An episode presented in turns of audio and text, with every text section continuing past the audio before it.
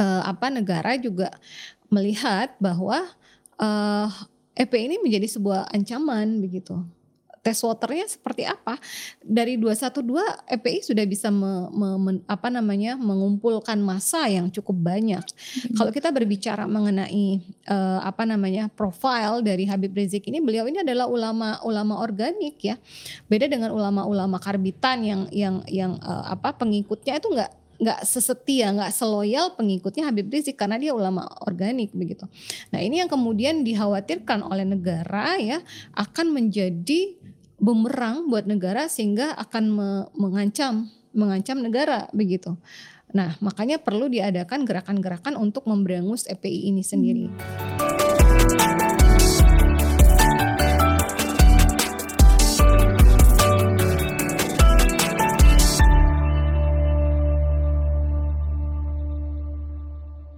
Assalamualaikum warahmatullahi wabarakatuh. Halo Sobat Ngalir, jumpa lagi dengan saya Leli Mufliha di Ngalir Talk Show, ngobrol ala IR yang dipersembahkan oleh Laboratorium Program Studi Hubungan Internasional Universitas Islam Indonesia. Nah, dan di sini sudah hadir narasumber kita Ibu Gustri Eni Putri yang sering disapa Ibu EN. Kebetulan beliau ini merupakan dosen mata kuliah politik luar negeri Indonesia di program studi hubungan internasional dan uh, minat risetnya yaitu politik Islam dalam HI. Mari kita sapa terlebih dahulu. Assalamualaikum warahmatullahi wabarakatuh Ibu. Waalaikumsalam warahmatullahi wabarakatuh Mbak Lili. Bagaimana kabarnya Ibu? Sehat? Alhamdulillah. Alhamdulillah. Mbak Lili sehat? Sehat Alhamdulillah Ibu. Nah Ibu hari ini kita akan uh, berdiskusi mengenai kebijakan pemerintah terhadap Front Pembela Islam atau FPI pasca peristiwa 212. Nah sebelum uh, lebih jauh mungkin kita bertanya dari yang dasar terlebih dahulu nih Ibu. Apa sih FPI itu? Uh, kemudian bagaimana sejarah terbentuknya dan apa tujuannya. Karena selama ini kerap kali gerakan tersebut uh, disebut sebagai organisasi masa Islam bergaris keras begitu. Uh, baik sobat ngalir, uh, ketika berbicara mengenai FPI, mungkin kalau teman-teman me, me search gitu ya di di uh, Google begitu ya FPI pasti yang keluar uh, negatif semua begitu karena memang diarahkan seperti itu ya.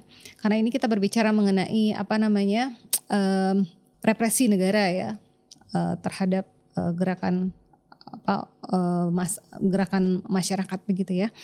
Nah, EPI sendiri uh, memang lahir di tahun 98 ya, beberapa bulan setelah lengsernya Soeharto ya, yang pada saat itu memang kebebasan berbicara dibatasi Mbak Lelia. Jadi memang Indonesia mengalami masa uh, transisi ya. Jadi ketika selesai di uh, apa namanya uh, diperintah oleh presiden yang otoriter yang kebebasan di apa di dibatasi kemudian uh, apa namanya uh, bablas ya ketika reformasi kan itu keran dibuka begitu. Nah ini yang kemudian disorot oleh FPI ya uh, apa namanya uh, FPI kemudian khawatir uh, apa namanya pemikiran-pemikiran yang uh, apa liberal ya dalam kacamata FPI itu nanti akan bisa meracuni uh, terutama anak muda begitu. Jadi perlu adanya gerakan-gerakan yang uh, kembali ke Islam ya bahasanya yang nanti akan menyuarakan amal ma'ruf nahi mungkar. Mereka biasa menggunakan jargon-jargon amal ma'ruf nahi mungkar dan kebetulan ya eh, reformasi ini membuka keran untuk uh, apa uh, organisasi masyarakat terbentuk begitu ya e, diperbolehkan begitu. Nah makanya kemudian uh, apa namanya uh, Habib Rizik ya uh, dengan beberapa sel, lain, sel lainnya Habib lainnya kemudian berin, berinisiatif untuk mendirikan sebuah um, organisasi ya, organisasi masyarakat seperti itu uh, di mana tujuan awalnya sebenarnya memang untuk menyelamatkan ya karena masa transisi itu memang agak chaos ya Mbak ya. Uh, dikhawatirkan mereka mengkhawatirkan uh, apa namanya pemikiran-pemikiran yang liberal itu masuk uh, kemudian juga kondisi negara yang belum uh, established ya itu hmm. juga dikhawatirkan nanti uh, terjadi chaos dan sebagainya ini yang kemudian mereka antisipasi begitu sehingga uh, mereka ber, berinisiatif untuk membentuk FPI ini sendiri dengan ya dengan dengan apa namanya dengan jargonnya untuk uh, apa amal ma'ruf nahi mungkar seperti itu Mbak Leli. Oke okay, baik terima kasih Ibu. Uh, banyak sekali sebetulnya fenomena fenomena gerakan sosial yang tercatat dalam sejarah dunia. Nah, pada tahun 2016 yang lalu itu kan merupakan uh, momentum bangkitnya gerakan politik Islam di Indonesia uh, khususnya pada peristiwa 212. Nah itu apa yang sebetulnya melatar belakangi terjadinya peristiwa itu, Bu? Baik, um, kalau kita mau lihat kategori apa um, Islam sini kan memang terbagi beberapa hal ya, ada Islam abangan ya, ada Islam santri dan sebagainya. Nah, tetapi ada satu hal yang kemudian menyatukan ketika isu apa namanya uh, apa penistaan agama ya biasanya itu ya isu-isu yang yang uh, yang sensitif. Biasanya itu bisa menyatukan Eh, orang-orang uh, dari berbagai berbagai kelas Islam tadi begitu ya. Mau dia santri mau dia uh, apa namanya uh, abang dan sebagainya begitu. Nah uh, seperti kita tahu di tahun rentang 2016-2017 itu kan sebenarnya ada peristiwa di mana kemudian uh, apa uh, masa ya masa uh, apa Presiden Jokowi dan dan dan wakilnya uh, Ahok yang saat itu non Muslim ya uh, menjadi uh, apa namanya uh, gubernur dan wakil gubernur. Lalu kemudian um, di tengah-tengah uh, masa tersebut ya uh, apa Pak Jokowi kemudian mencalonkan jadi presiden dan jadi presiden akhirnya wakil pres, uh, wakil gubernurnya naik menjadi uh, gubernur. Nah ini yang kemudian memberikan uh, apa reaksi ya uh, bagi EPI ini sendiri ya. Karena tadi um, tool ya atau metode yang di yang di yang digunakan oleh EPI ini sendiri memang mereka Islam Puritan ya Mbak. Memang tegas ya uh, apa menutup klub klub malam. Jadi memang modelnya amal ma'ruf nahi mungkarnya beneran uh, nahi mungkar begitu ya. Kalau ada yang masih malu-malu dengan nahi mungkar, mereka benar-benar dengan tegas me, me, apa namanya melakukan nahi mungkar itu. Nah, ini sebenarnya menjadi celah untuk kemudian uh, nanti ya setelah uh, beberapa tahun kemudian diberangus begitu. Nah, uh, apa kenapa kemudian kebangkitan politik Islam tadi? Karena ketika uh, apa ini style ya lagi style ya ketika kita berbicara mengenai seorang leader ya pasti akan berbicara mengenai personal ya. Personal pasti akan berbicara mengenai style. Nah style orang kan beda-beda ya. Nah ketika uh, apa Ahok ya uh, apa namanya Basuki Purnama ini ya memang stylenya ceplas-ceplos ya. Ceplas-ceplos ya uh, apa namanya modelnya seperti itu. Dan dan ketika ngomong dia dari ceplos-ceplosnya itu dia me, kemudian menyitir ayat juga sehingga kemudian uh, apa namanya dianggap menistakan agama ya. Uh, apa namanya dari dari kasus itu kemudian uh, apa uh, bermunculanlah uh, demo begitu ya. Ada gerakan 212 ya. Uh, apa namanya ormas-ormas Islam kemudian turut uh, dalam demo tersebut ya me, me, meminta untuk uh, apa namanya ditahan ya uh, Ahok ini ya karena dianggap menistakan agama begitu. Jadi isu-isu yang apa uh, ap, ya ya sensitif ya kalau sudah berbicara mengenai penistaan uh, surat dan sebagainya ya Al-Qur'an dan sebagainya uh, karikatur nabi begitu itu sangat sangat melukai hati hati uh, umat umat muslim ya umat Islam. Jadi walaupun gen genrenya misalnya Islam abangan pun itu bahkan bisa bisa bisa apa namanya bisa. Bahkan mungkin nggak sholat tapi ikut demo gitu. Saya saya saya mengamati ya. Saya ikut mengamati bagaimana kemudian eh, orang-orang uh, yang bahkan nggak sholat mungkin ya uh, sholatnya senin kamis begitu. Tetapi kemudian ketika dia merasa agama agamanya di di apa di uh, senggol dia ikutan begitu. Hmm. ini menarik. Kalau orang-orang politik kan kita mengamati seperti itu. Ya, baik baik ibu dari peristiwa-peristiwa uh, tadi yang lumayan kontroversial ya Bu ya hmm. mengenai uh, dua gerakan 212 itu. Kemudian bagaimana respon dari pemerintah dalam menghadapinya Bu? Baik, uh, kalau mau berbicara mengenai respon pemerintah maka kita juga harus flashback ke belakang ya Mbak ya karena semenjak uh, apa namanya uh, FPI ini didirikan sebenarnya memang udah udah sering menjadi uh, kelompok oposisi bagi pemerintah ya tetapi memang tidak sampai uh, di ban ya kemudian uh, dianggap sebagai organisasi terlarang yang disamakan dengan uh, PKI gerakan PKI kan ya uh, di tahun 2020 ya hmm. Uh, 2019 uh, dilarang kemudian 2020 itu di di di uh, di benar-benar dilarang ya di ban dan dan dianggap sebagai gerakan terlarang. Nah, uh, sebenarnya ketika mulai dari pendiriannya 98 ya, kemudian di era uh, Presiden Habibie ya FPI itu sudah menjadi oposisi karena uh, ketika menjadi oposisi kan mereka bisa bisa menilai pemerintah. Kalau sudah dalam dalam lingkaran kan mereka menjadi tidak tidak objektif, sudah tidak bebas nilai lagi begitu ya. Kemudian um, di era uh, apa diganti uh, di era uh, Gus Dur ya, di era Gus Dur juga uh, apa namanya oposisi juga masih ya. Kemudian uh, ketika Gus Dur dimaksulkan kemudian uh, diganti oleh Megawati mereka bersuara karena mereka tidak setuju dengan presiden perempuan ya. Nah ini. Jadi kalau lihat dinamikanya sebenarnya FPI ini juga sudah kenyang dengan pertentangan uh, dengan negara begitu. Karena mereka sebenarnya statusnya oposisi tetapi memang uh, belum dijadikan uh, organisasi yang terlarang ya. Kemudian uh, apa namanya bahkan di era uh, uh, SBY sempat ditahan juga ya karena apa namanya ada ada ada masalah dan SBY kemudian menganggap bahwa ini sudah tindakan yang apa uh, perlu diamankan begitu ya kemudian uh, Habib Riziknya ditangkap begitu ya uh, seperti itu. Nah tetapi tidak dilarang begitu. Tidak ada pembekuan terhadap uh, organisasi ini dan tidak dianggap organisasi terlarang yang dipersamakan dengan PKI kan? Akhirnya disebut bersamakan dengan PKI. Uh, apa namanya tindakan ini yang kemudian uh, berbeda ya dengan kasus uh, mulai tahun 2012 sampai 2017 rentang itu ya ketika mulai kebangkitan 212 ya. Bagaimana kemudian kalau kita lihat kan bermula dari uh, apa namanya naiknya Ahok ya dan bagaimanapun kan uh, ada kedekatan ya. Dan apa uh, Habib Rizik sudah mulai tidak menyukai pemerintahan Jokowi begitu ya. Karena dianggap mendukung uh, non Muslim dan mereka strict ya mengatakan bahwa pemimpin nggak boleh dari non Muslim perempuan perempuan uh, apa pemimpin dari perempuan aja nggak boleh apalagi yang non Muslim begitu. Nah ini yang yang yang kemudian uh, apa namanya uh, cukup menimbulkan clash ya dan uh, ini menakutkan ya Mbak. Jadi kalau uh, apa negara juga melihat bahwa uh, EP ini menjadi sebuah ancaman begitu. Tes waternya seperti apa? Dari 212 EPI sudah bisa me, me, me, apa namanya mengumpulkan masa yang cukup banyak. Hmm. Kalau kita berbicara mengenai uh, apa namanya profil dari Habib Rizik ini, beliau ini adalah ulama-ulama organik ya. Beda dengan ulama-ulama karbitan yang yang yang uh, apa pengikutnya itu enggak nggak sesetia, nggak seloyal pengikutnya Habib Rizik karena dia ulama organik begitu.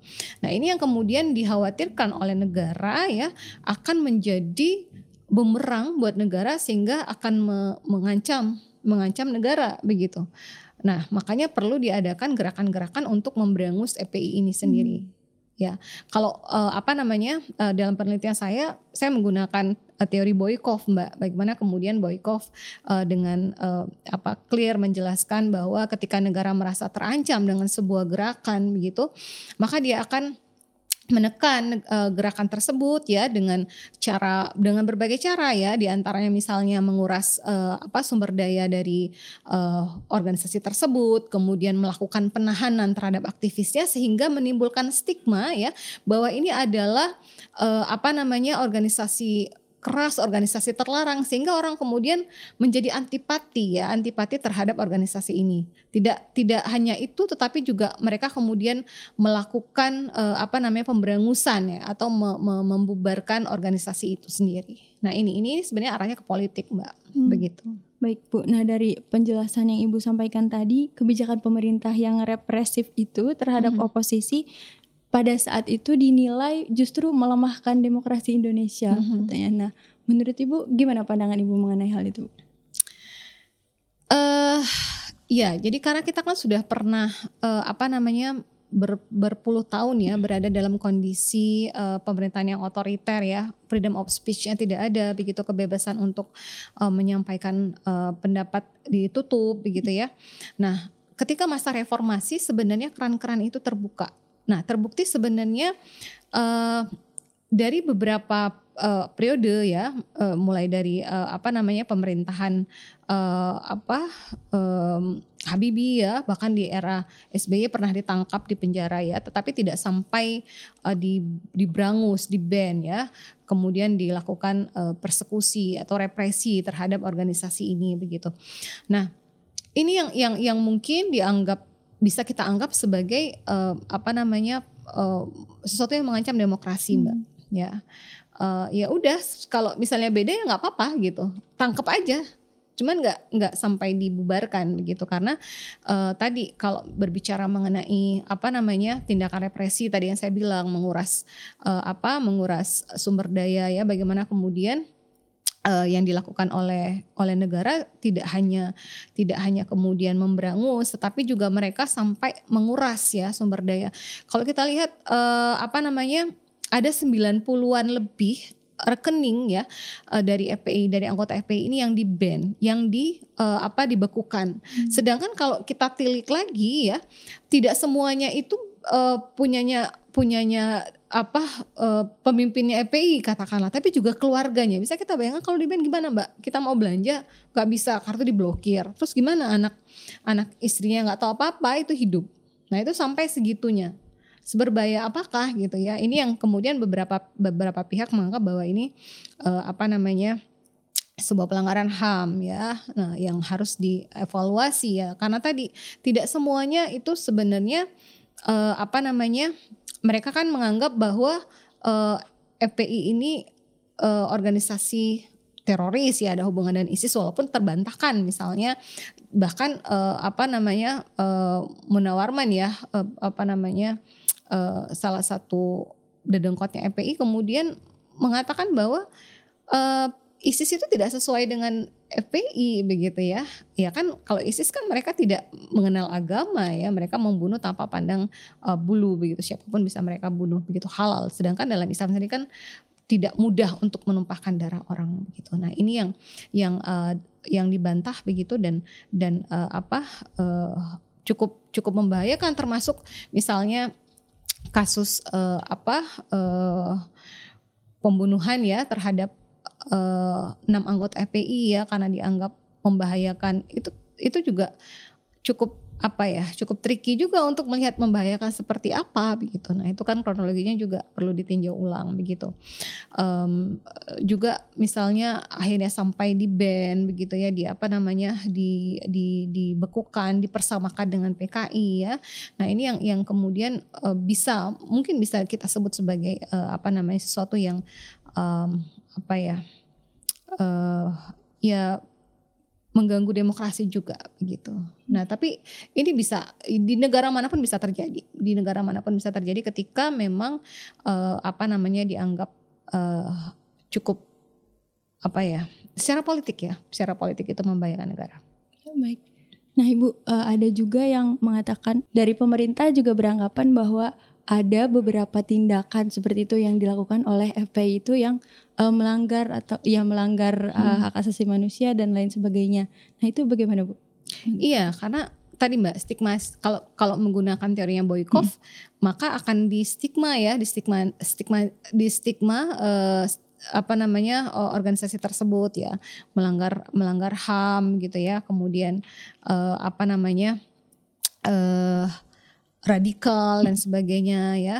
Tetapi kan sebenarnya itu hanya sekedar tuduhan dan sebenarnya bisa uh, bisa dibantahkan ya. Dan tadi kalau kita kembali ke flashback uh, apa namanya? Mereka sudah lama jadi oposisi, fine-fine saja. Uh, ya mungkin karena kan ketika oposisi itu yang resikonya adalah penjara, Mbak, ya. Dan mereka udah biasa ya kayak kayak uh, apa namanya? Masuk penjara uh, keluar lagi gitu. Tapi kan tidak sampai kemudian di ban uh, dianggap organisasi terlarang seperti itu. Ya udah namanya uh, apa namanya berikutnya uh, memberikan masukan lagi begitu. Nah kan masalahnya like or dislike begitu ya. Kalau kalau kalau nggak suka ya udah dipanjarain aja habis itu keluarin lagi gitu ya. Jangan jangan sampai uh, apa namanya sampai di, di, di, di, dibekukan di apa namanya di ditutup uh, uh, organisasi tersebut itu mbak. Ya justru mungkin kalau ditutup malah uh, ber, lebih berbahaya lagi. Iya ya? lebih berbahaya lagi karena kan begini ketika dia formal dia kan sebenarnya uh, ada legal hukumnya ya hmm. ada legal hukumnya mereka berbadan hukum sebenarnya tapi kemudian diberangus ya uh, apa dianggap macam-macam pokoknya di, di, di apa di stigma macam-macam itu kemudian diberangus sebenarnya cukup menguntungkan negara ketika mereka formal menjadi sebuah ormas katakanlah gerak-geriknya bisa diawasi oleh negara begitu ya jadi mereka oposisi yang yang under control begitu. Tapi kalau misalnya sekarang karena ini ideologi, ketika ketika berbicara mengenai keyakinan maka itu berbicara ideologi mbak. Apalagi mereka yakin dengan nilai Islam yang mereka bawa amal ma'ruf nahi munkar tersebut. Ketika dibubarkan bukan berarti mereka hilang. Justru mereka tetap ada dengan nama-nama dan jenis yang lain dan itu tidak terpantau. Itu malah lebih hmm. sebenarnya lebih tricky buat negara begitu kalau misalnya negara menganggap itu ancaman. Itu malah lebih susah untuk diawasi susah untuk dikontrol lebih ya? Betul. Nah baik sobat ngalir gerakan sosial ini memang selalu menarik untuk dibahas. Nah namun sayang sekali waktu kita terbatas. Mungkin kita langsung berikan waktu kepada Bu En untuk memberikan closing statement baik Mbak Lili terima kasih. Uh, berbicara mengenai uh, gerakan massa, gerakan sosial uh, uh, akan menarik ya karena uh, apa namanya mereka kan punya nilai sendiri ya yang biasanya menjadi oposisi bagi negara dan ketika negara merasa uh, apa organisasi ini menjadi ancaman maka uh, yang akan dilakukan adalah uh, melakukan represi terhadap organisasi ini bahkan kemudian men menstigma ya me, me apa namanya menguras uh, sumber daya sumber daya dari anggotanya, menahan aktivisnya, kemudian menstigma sehingga uh, seolah-olah ini adalah organisasi yang sangat-sangat buruk dan sangat tidak boleh diikuti begitu ya. Uh, apa namanya? Sehingga kemudian terakhir yang mereka lakukan adalah membubarkan dan menganggap ini sebuah organisasi uh, terlarang ya yang menutup keran-keran uh, apa namanya kebebasan berbicara ya. Dan ini sebenarnya tadi sudah di, kita bicarakan di akhir ya uh, sebenarnya cukup merugikan negara juga karena ketika mereka dibubarkan di band bukan berarti mereka hilang ya tetapi mereka kemudian membentuk uh, apa organisasi-organisasi under underbow ya bawah tanah yang yang itu malah menjadi susah untuk di uh, apa namanya diawasi ya dikontrol seperti itu begitu Baik, Mbak Leli. Terima kasih banyak Bu En sudah uh, berkenan berbagi insight kepada sobat ngalir semua. Terima kasih juga sobat ngalir yang sudah setia uh, menyaksikan ngalir dari awal sampai akhir. Dan jangan lupa juga saksikan terus episode-episode selanjutnya. Bagi yang belum nonton video-video uh, sebelumnya bisa cek di YouTube Department of International Relations UI. Dan jangan lupa juga like, share, dan subscribe channel YouTube-nya. Terima kasih Sobat Ngalir. Assalamualaikum warahmatullahi wabarakatuh.